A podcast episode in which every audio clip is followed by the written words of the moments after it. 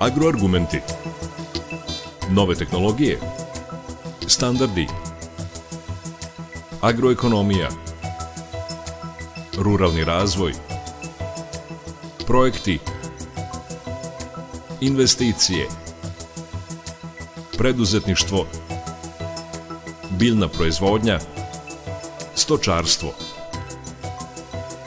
Agroargumenti Uređuje Stevan Davidović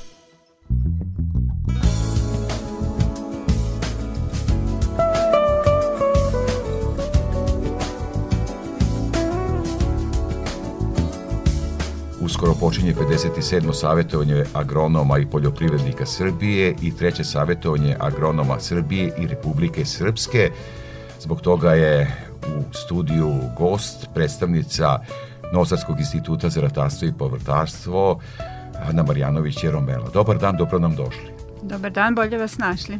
Odmah da krenemo konkretno, e, šta je sve predviđeno u kom vremenu e, ovo savjetovanje? Pa Naše savjetovanje će započeti svečanim otvaranjem, sa koktelom dobrodošlice 31. to je ponedeljak naredne nedelje, a da bi e, nastavio sa svojim radom, odnosno svečanim otvaranjem 31. utorak i trajao sve do 2. februara kada se završava u podnevn, oko podne. Nakon toga postoji još jedno druženje i razilazimo se svi u petak. Mislim da će našim e, posetiocima i učesnicima savjetovanja kao i prethodnih 56 jer ovo je, da kažemo, 57. svako je naše jubilarno savjetovanje, biti izuzetno zanimljivo s obzirom da su teme prilagođene tako da budu u službi i nauke i poljoprivrede. Dakle, ključna reč, spajanje nauke i poljoprivrede, hrana sve bitnija, klimatske promene sve očitije. Šta će biti teme kada je reč o uljanoj repici, uljanim kulturama i opšte onim čime se vi bavite? E, baš zbog tog e, i povećanog interesa za uljanim biljnim vrstama, ne samo kao sirovinama koje služe za proizvodnju hrane, nego i u sirovinama u prehrambenoj industriji, jedna od tema panel diskusije biće i analiza tržišta žitarica i uljarica 2022.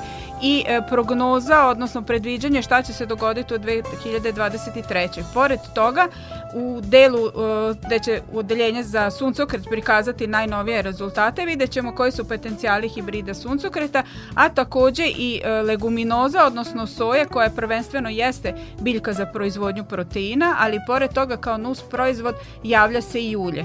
Osim ovih biljnih vrsta i druge biljne vrste kao što su kukuruz, strna žita, e, povrće, manje gajene uljane biljne vrste, zatim naše laboratorije, prikazat će svoje najnovije rezultate i mogućnosti koje izlaze poljoprivrednicima u susret i gde možemo da se povežemo direktno sa praksom.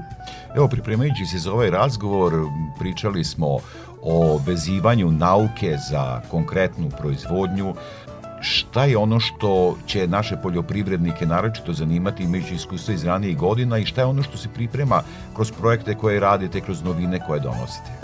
Institut za ratarstvo i povrtarstvo kao nacionalni institut prepoznat je od naše vlade, odnosno ministarstva E, nauke kao institut koji ima tu snagu i moć da svoja znanja i novostečena znanja i iskustva prenosi u praksu. Deo našeg posla nije da samo znanja stičemo, već i baš taj transfer tehnologija kroz seme novostvorenih sorti i tehnologija direktno u praksu i širenje tog fonda znanja. Zato nam je jako važno da imamo ovakve skupove gde se nalazimo sa proizvođačima, sa predstavnicima medija, sa predstavnicima vlasti gde se ti praktično rezultati prenose na kreatori politika kako bismo mogli da utičemo i na smer poljoprivredne proizvodnje. Iz tog razloga jedan od naših panela biće baš inovacija u poljoprivrednoj proizvodnji gde ćemo između ostalog pričati o položaju organske poljoprivrede, o njenom značaju, uticaju klimatskih promena, o ma marginalnim zemljištima, mogućnosti njihovog korišćenja, o manje gajenim biljnim vrstama kako bismo pojačali biodiverzitet, odnosno takozvani agrobiodiverzitet, odnosno raznolikost proizvodnje i time u stvari ojačali poticali e, našu poljoprivrednu proizvodnju. Mi znamo da je Srbija kao poljoprivredna zemlja izuzetno osetljiva na promene u klimi, baš zato što je poljoprivreda naša praktično glavna privredna grana. Zato je jako važno da znanja iz poljoprivrede primenjujemo u praksu kako bismo umanjili značaj ovih negativnih pojava, a istovremeno je nama jako važno da čujemo koji su to problemi koje muče naše proizvođače, šta mi treba da istražujemo, šta da predlažemo u evropskom istraživačkom prostoru, šta finansirati, kako bismo mogli da praktično za nekih 5 ili 10 godina, mi u stvari moramo biti vizionari, šta će se dogoditi sledeće godine jeste problem, ali šta će se dogoditi u narednoj dekadi mnogo je veći problem. Svedoci smo pandemije, svedoci smo globalnih promena kada je u pitanju klima, svedoci smo ogromnih promena kada je politika u pitanju. Hrana je danas praktično jedna od najmoćnijih poluga kojim može da se upravlja ovim svetom tako da je naš zadatak izuzetno odgovoran.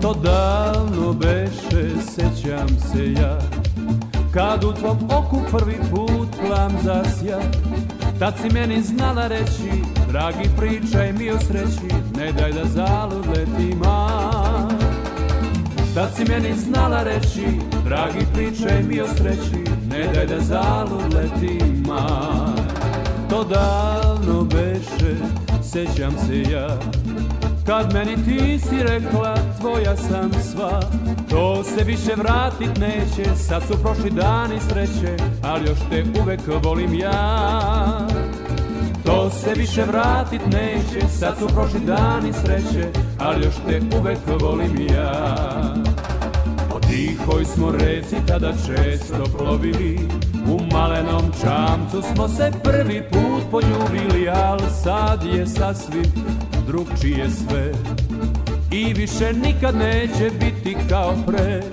Pokraj mene više nisi Čamcem plovim sam po tisi Ali još te uvek volim ja Pokraj mene više nisi Čamcem plovim sam po tisi Ali još te uvek volim ja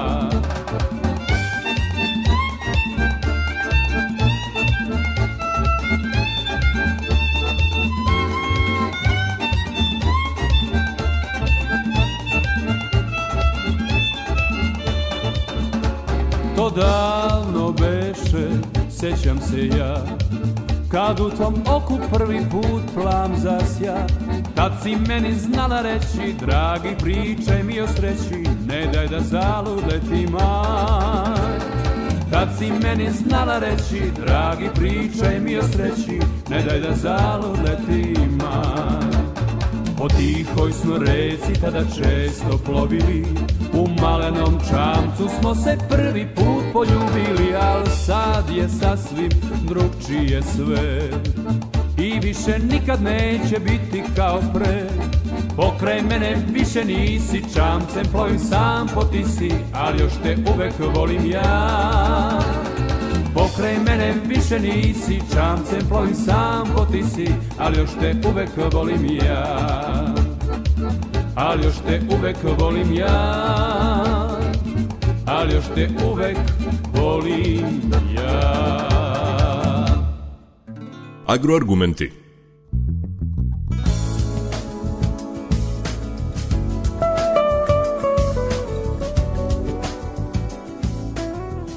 Mnogi poljoprivrednici će imati, da kažem, tu priliku i već su imali do sada, ali sada pogotovo E, da nauka spusti ono što je najnovije otkriće kroz seme, kroz tehnologiju i na njihove njive. Tako je, e, jedan od naših zadataka i e, vrlo važni deo svih projekata kojih imamo kako evropskih, odnosno međunarodnih, tako i ovih nacionalnih, da direktno sarađujemo od proizvođačima, ali ne samo kroz onaj, da nazovemo abstraktnih deo, gde mi naše rezultate objavimo ili ispričamo na nekom od medija, a onda nismo sigurni šta se s njima dogodilo kad su otišli u život. Ovi projekti zahtevaju i mi smo vrlo rado prihvatili da u tome učestvujemo, da sami poljoprivredni proizvođači predstavljaju jezgo projekta na njihovim njivama se primenjuju rezultati, na njihovim njivama vidimo koji su problemi. Zajedno sa njima organizujemo nacionalne grupe gde vidimo šta su problemi. Mi predlažemo rešenja, oni učestvuju u diskusiji. To su demonstracione oglede, to su demonstracione farme, kako se to zove sada žive laboratorije ili modernim jezikom svetionici. E, kako god nazvali bez proizvođača takvi projekti ne mogu da postoje. Svi mi uvezani smo u jedan lanac vrednosti od samo kako se to kaže od njive do viljuške, odnosno praktično od e, rala do astala ili koji god da upotrebili od ovih modernih slogana, to samo nije prazna priča, to je zaista realnost koja se s nama sada vrlo često javlja i kojom smo mi prihvatili da budemo deo evropskog istraživačkog prostora. Ne može se e, u stvari funkcionisati lokalno sve te promene koje se dešavaju su zaista ne samo na regionalnom nego globalnom nivou i to jedno umrežavanje jako je bitno kako bi ovo rešenja koje, ova rešenja koje mi postavljamo bila održiva i u budućnosti. E, inače, savetovanja agronoma na Zlatiboru karakterišu mnogi paneli. Tako će biti i ove godine. Dakle, E, razgovor, učešće u razgovoru uzeće i sami poljoprivrednici. Ono što e, je i sa državnog aspekta vrlo interesantno da je osnovnog resursa, dakle zemljišta sve manje, pokriva se i građevinama i tako dalje i tako dalje. Vi ćete učestvovati u jednom panelu e, kada je reč o korišćenju tih marginalnih zemljišta. Možete da nam kažete reč dve o tome. Marginalna zemljišta sve češće se javljaju kao deo projekata iz razloga što je proizvodnja hrane podignuta na jedan vrlo visok nivo sa vrlo e, ograničenim inputima. Zemljišta su ograničena, đubreva su skupa, e, promet semena je doveden u pitanje, znamo i tokom pandemije i tokom e, problema sa, sa gorivom. Zato je važno da se ne ugrožava proizvodnja hrane, a sa druge strane vi imate ekspanziju takozvanih bioprodukata, odnosno proizvodnje biogoriva, biomase, različitih biopesticida, bioplastika i tako dalje, baš od biljnih proizvoda. Kako proizvesti sro više sirovine za ovu industriju, a istovremeno ne ugroziti proizvodnju hrane? pritom ne umanjiti značaj prirodnih staništa vrlo često se srećemo prirodna staništa ugrožene biljne vrste. S druge strane, ne umanjiti plodnost zemlje, što Znamo da je smanjenje organske materije u zemlji, zemljištu jedan od ključnih problema, naročito u zemljama koje je devastirano stočarstvo, što se nažalost kod nas dešava.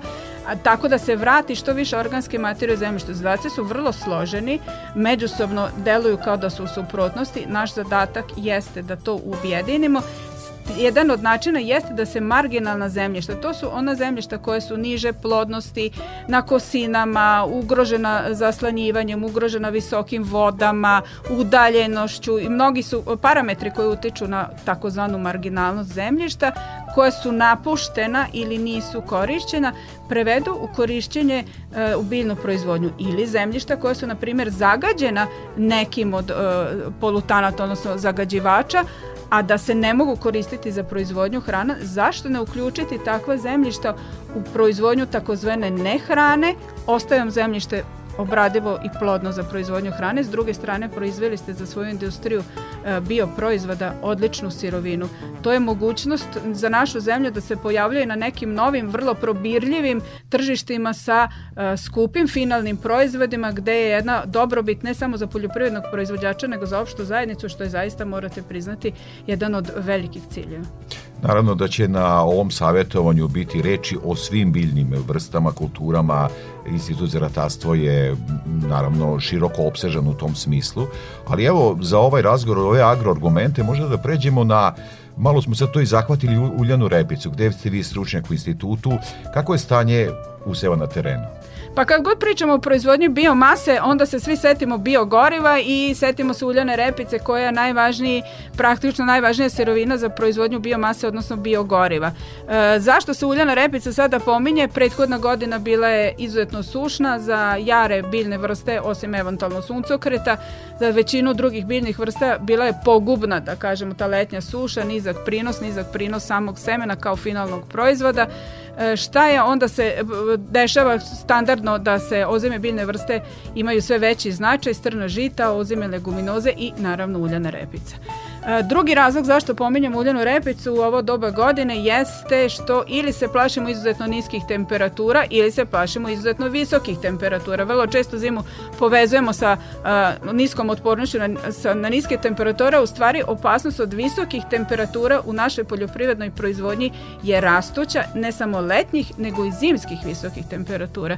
Mi često kažemo i danas smo to pominjali kako postoji u, u narodu poslovica ako te zima ne ujede zubima, ošinut plaćate rep. Ono što mi plašimo se jeste da taj rep ne dođe krajem februara, početkom marta sa jakim mrazevima na biljne, biljke koje su već izgubile deo svoje otpornosti na niske temperature. E, razlog zašto mogu da izgube ovu otpornost leži u tome što praktično nisu prošle kako treba takozvani proces kaljenja. E, kaljenje je jedan e, metabolički proces u ozim biljnim vrstama gde one u takozvanoj svetloj fazi koja ide na 5 do 7 stepeni kod uljene repice 14 do 20 dana nakupljaju šećere u svojim ćelijama. Nakon toga bi trebalo na minus 5 do minus 7, 5 do 7 dana da dolazi do takozvane tamne faze kada se gubi voda iz ćelije i takve zgusnutog ćelijskog soka ćelija, odnosno sama biljka, ima bolju otpornost na niske temperature. Nažalost, Ovaj period niskih temperatura ispod nule nije trajao ni dovoljno dugo, niti su biljke prošle kroz njega, nisu se iskalile kako treba, imaju delimično smanjenu otpornost, naročito one e, sorte hibride ili oni koji su rano posejali pa su im usevi nešto višlji. No za sada e, nema tolike bojazne, ne treba praviti senzaciju i paniku, na no, krajem slučaju na to ne možemo da utičemo, osim nekim merama kao što je, na primjer, prihrana. Kako su iskustva iz ranijih godina, jer evo klimatske promene poslednjih 10-15 godina zaista su očigledne i lane, koliko se sećam, bilo je problema u ovom periodu. Da, e, nažalost ponavlja se sve češće da imamo taj problem i na primer, e, ako mogu da kažem, Institutu za ratarstvo u oceku, odnosno za uljanu repicu, odeljenje za suncokret, imamo običaj da svake godine na bogojavljanje, znači 19. januara, obiđemo svoju parcelu pod uljanom repicom i fotografišemo. Napravili smo jedan niz fotografija i podataka gde se vidi da taj dan temperature variraju 20 stepeni. Znači, biljke treba da izdrže praktično od minus nekih 15-16, pa bivalo je godina minus 20, do evo i svedoci smo bilo i plus 18 u pojedinim danima u januaru. E, dešava se ne samo da temperature izuzetno variraju, baš ta variranja nisu dobra, nego da i nemamo dovoljnu količinu zimskih padavina. Ove godine za sada nije tako, vidimo nažalost zbog poplava čak i da ih u nekim područjima imamo previše, međutim prošle godine smo bili svedoci toga da nije bilo dovoljno zimske vlage. Nedostatak vlage u vreme prolećnog porasta ili setve e, jarih biljnih vrsta je jedan od gorućih problema ono što se desi kad biljka ne nikne, ne klija, ne nikne na vreme ili nije dogovarajući raspored, teško bilo koja druga agrotehnička mera može da popravi. Naravno, odgovarajućem negom useva, njegovom prihranom, zaštitom vi možete da ojačate svoj usev i takav usev je onda otporniji i na bolesti e, štetočine ili korove, ali u svakom slučaju nedostatak vlage, previsoke ili preniske temperature dovode do e, poremeće u metabolizmu biljka biljka živi koliko živi, taj, njena biologija je takva da postoji određeni broj dana od momenta klijanja i nicanja do momenta donosene semena. Eventualno oplemenjivanjem taj proces, odnosno ta dužina se skraćuje, zato i znate da imamo ono hibride sorte rano, stasne, odnosno rani, kasni, srednje i tako dalje, ali e, za svaku biljnu vrstu postoji jedno ograničenje. Nema mere kojom vi možete u poljoprivrednoj proizvodnji tu, e, tu dužinu njenog života smanjiti. Zato je jako važno biljci pružiti optimum koji ste u mogućnosti primeniti agrotehničke mere pravilno, voditi računa, svaki proizvođač najbolje poznaje svoju parcelu. Usvojiti saveto, konsultovati stručnjake, pratiti medije, zato su jako dobre ovakve emisije gde proizvođači mogu da čuje šta je najnovije u tehnologiji proizvodnje, šta možete učiniti da u tom momentu pratiti prognozno izveštajne službe, reagovati na vreme kako biste svom useu u koji ste uložili ogroman rad pa i sredstva omogućiti učili najbolje što je moguće u tim uslovima da dobijete prinos, odnosno ostvari se genetički potencijal ne samo za prinos, nego i kvalitet. Znamo da kod mnogih e, biljnih vrsta jako je važan i e, sam kvalitet finalnog proizvoda. Kod uljanih biljnih vrsta sadržaj ulja, kod pšenice različite parametri tehnološkog kvaliteta i tako dalje. Zato je jako važno već sada nabaviti e, đubreva azotna kako bismo prihranili svoju Eh, uljanu repicu, pošto o njoj govorimo isto važi i za strna žita, i prihraniti, ali ne poraniti. Naročito kod onih useva koji su jako bujni, što se dešava kod ranih rokova setve, ne ići rano sa prihranom kako, kako ne bismo još dodatno isforsirali vegetaciju, jer prerasle biljke eh, gube delimično otpornost na niske temperature. Doći će do formiranja biljaka iz bočnih pupoljaka, ali znamo da je centralno stavlo nosilac prinosa. Možda bi bilo dobro da malo nas podsjetite i o trendovima. Naime, ove klimatske promene o kojih smo evo sad dosta govorili, malo menjaju i navike, odnosno setenu strukturu naših poljoprivrednika. Svi se više se opredeljuju za ozime kulture i tako dalje. Uljana repica spada u, u, to. E, kakvi su trendovi na terenu i kako je uopšte i ekonomski aspekt? E, baš taj porast ozimih biljnih vrsta je posljedica, kao što ste rekli, klimatskih promjena, jer smo videli kroz dugi niz godina da te biljne vrste uspeju da dones, dostignu prinos, odnosno daju neki rezultat, u vremenu pre nego što nastupe izuzetno visoke temperature tokom leta. E, gazdinstvo treba da ima baš taj biodiverzitet koji smo spominjali, odnosno agrobiodiverzitet da će biti jedna od tema na savetovanju našem agronoma i poljoprivrednih proizvođača Republike Srbije i iz teog razloga što aktuelnost e, izbora sortimenta, odnosno diverziteta, da samo gazdinstvo ne gajeći jednu ili dve biljne vrste, mi znamo da je 60% poljoprivredne proizvodnje u Evropskoj uniji na tri biljne vrste, pšenica, ječam i kukuruz. A od toga uljanih biljnih vrsta 99% su uljana repica i suncokret. E, greškom nekakvom u tehnologiji ili klimatskom promenom, vi do, dovodite u problem ogromnu količinu a, e, poljoprivredne proizvodnje, da ne kažemo kad su variranja cena u pitanju, baš taj diverzitet da gazdinstvo ima različite biljne vrste iz različitih formi, da je jedno elastičnost gazdinstvu i omogućujemo da se bolje pro, a, e, prilagođa i promenama klime i promenama tržišta. To će svakako biti na savjetovanju agronoma i jedna od tema naših predstavnika resornih ministarstava i našeg rukovodstva koje će prikazati praktično da je e, Institut za ratarstvo i e, povrtarstvo generator istraživanja, odnosno rezultata u poljoprivrednoj proizvodnji Srbije, tako da mislim da će oni koji budu imali prilike da isprate naše savete, savjetovanje imati prilike da isprate i ove najnovije rezultate i odgovore zašto je to jako važno možda kratko da zahvatimo samo i taj neki ekonomski aspekt, oni koji nas sada slušaju, naravno svi radimo zbog zarade. Kako kotira uljana repica na tržištu, uopšte uljarice u svetu, evo vidimo visoke cene svih biljnih vrsta na svetskim berzama, ali visoki troškovi, odnosno inputi.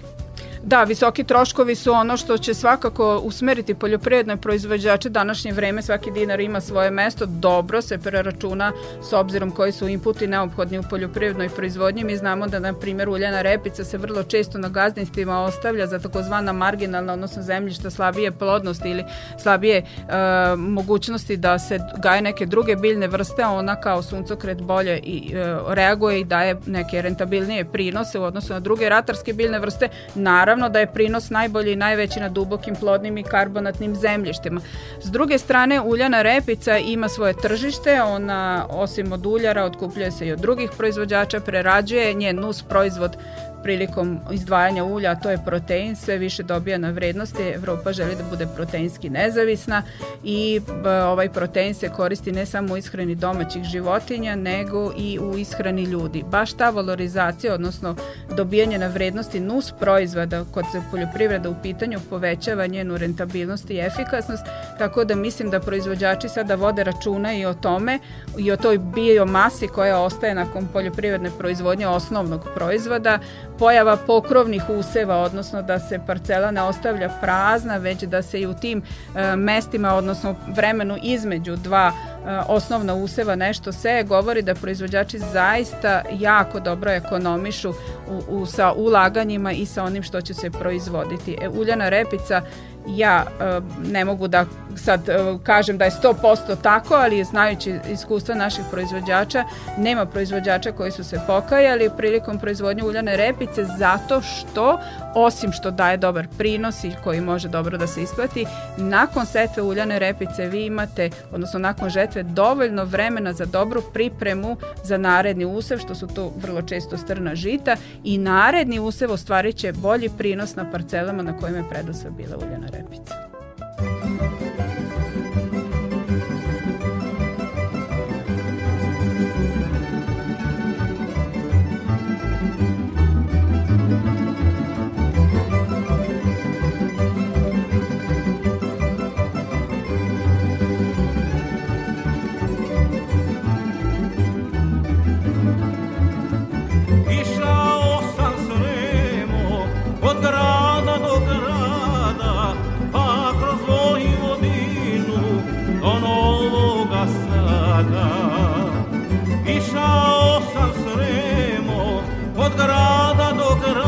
pada, pa kroz moju obinu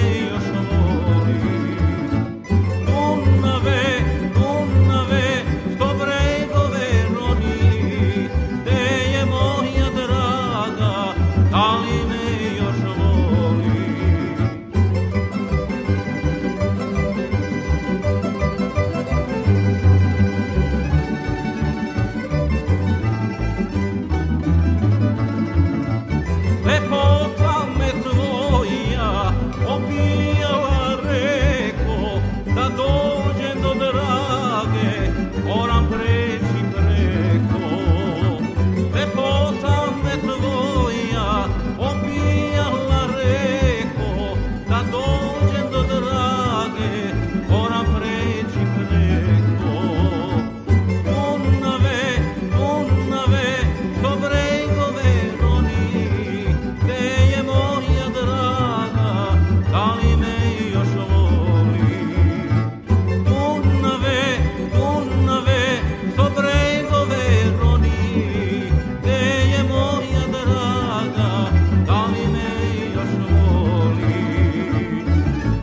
Agroargumenti.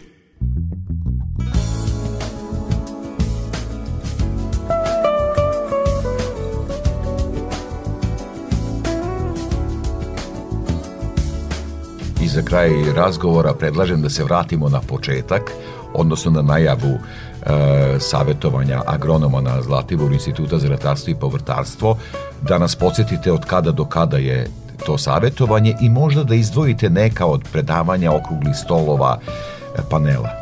E, evo još jednom znači da ponovimo, počinje ponedeljak 30. januara uveče od 18 e, časova koktelom dobrodošlice gde će nakon ovog svečanog naja, najavljivanja šta će se dogoditi u narednim danima u utorak u 10 sati, to je 31. januara, praktično početi naše e, savendovanje agronomi poljoprivrednih proizvođača Republike Srbije zajedno sa našim kolegama iz Republike Srpske koji će se takođe obratiti našim e, proizvođačima sa svojim najnovijim rezultatima i da ukažu na jedinstvenost ovog prostora i na problema koje e, muče i naše i njihove poljoprivredne proizvođače.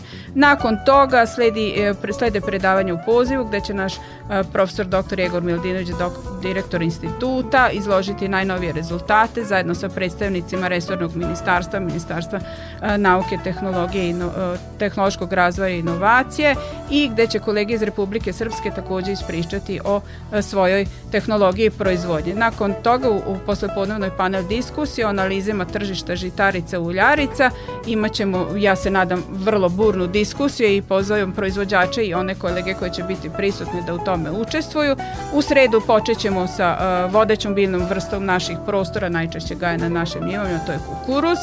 Zatim leguminoze i suncokret sa najnovijim rezultatima u zaštitu bilja, odabiri sortimenta i u tehnologiji proizvodnje.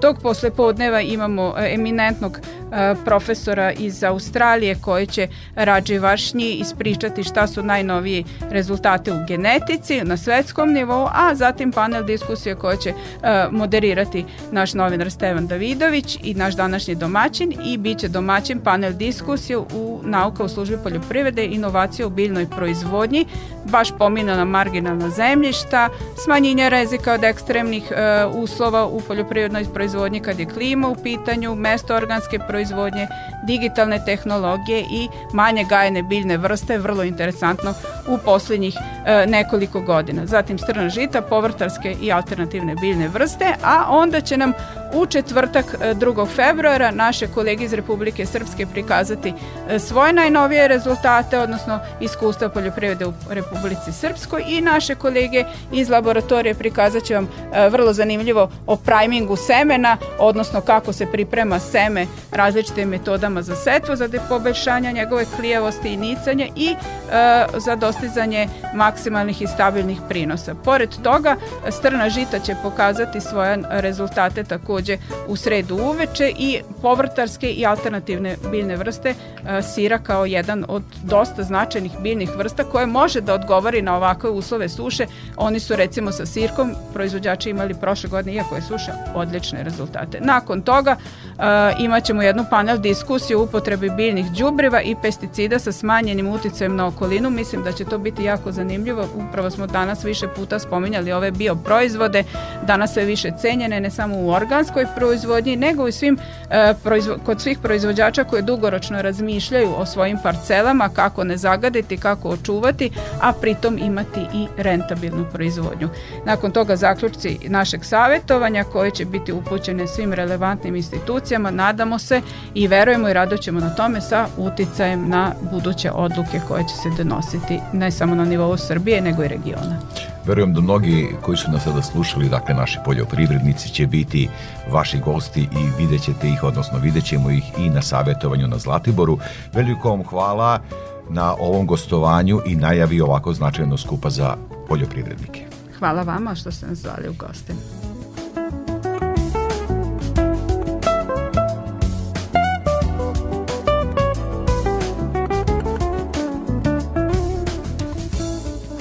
Slušali ste agroargumente. Govorili smo o tradicionalnom savjetovanju agronoma i poljoprivrednika Srbije, Novosadskog instituta za ratarstvo i povrtarstvo, koje se na Zlatiboru održava naredne sedmice. Gošća u studiju bila je stručnjak instituta Ana Marjanović-Jeromela. Emisiju montirala Marica Jung. Pozdravlja vas urednik i voditelj Stevan Davidović. Emisiju možete slušati na portalu Radio Televizije Vojvodine na adresi rtv.rs. Ostanite uz naš program.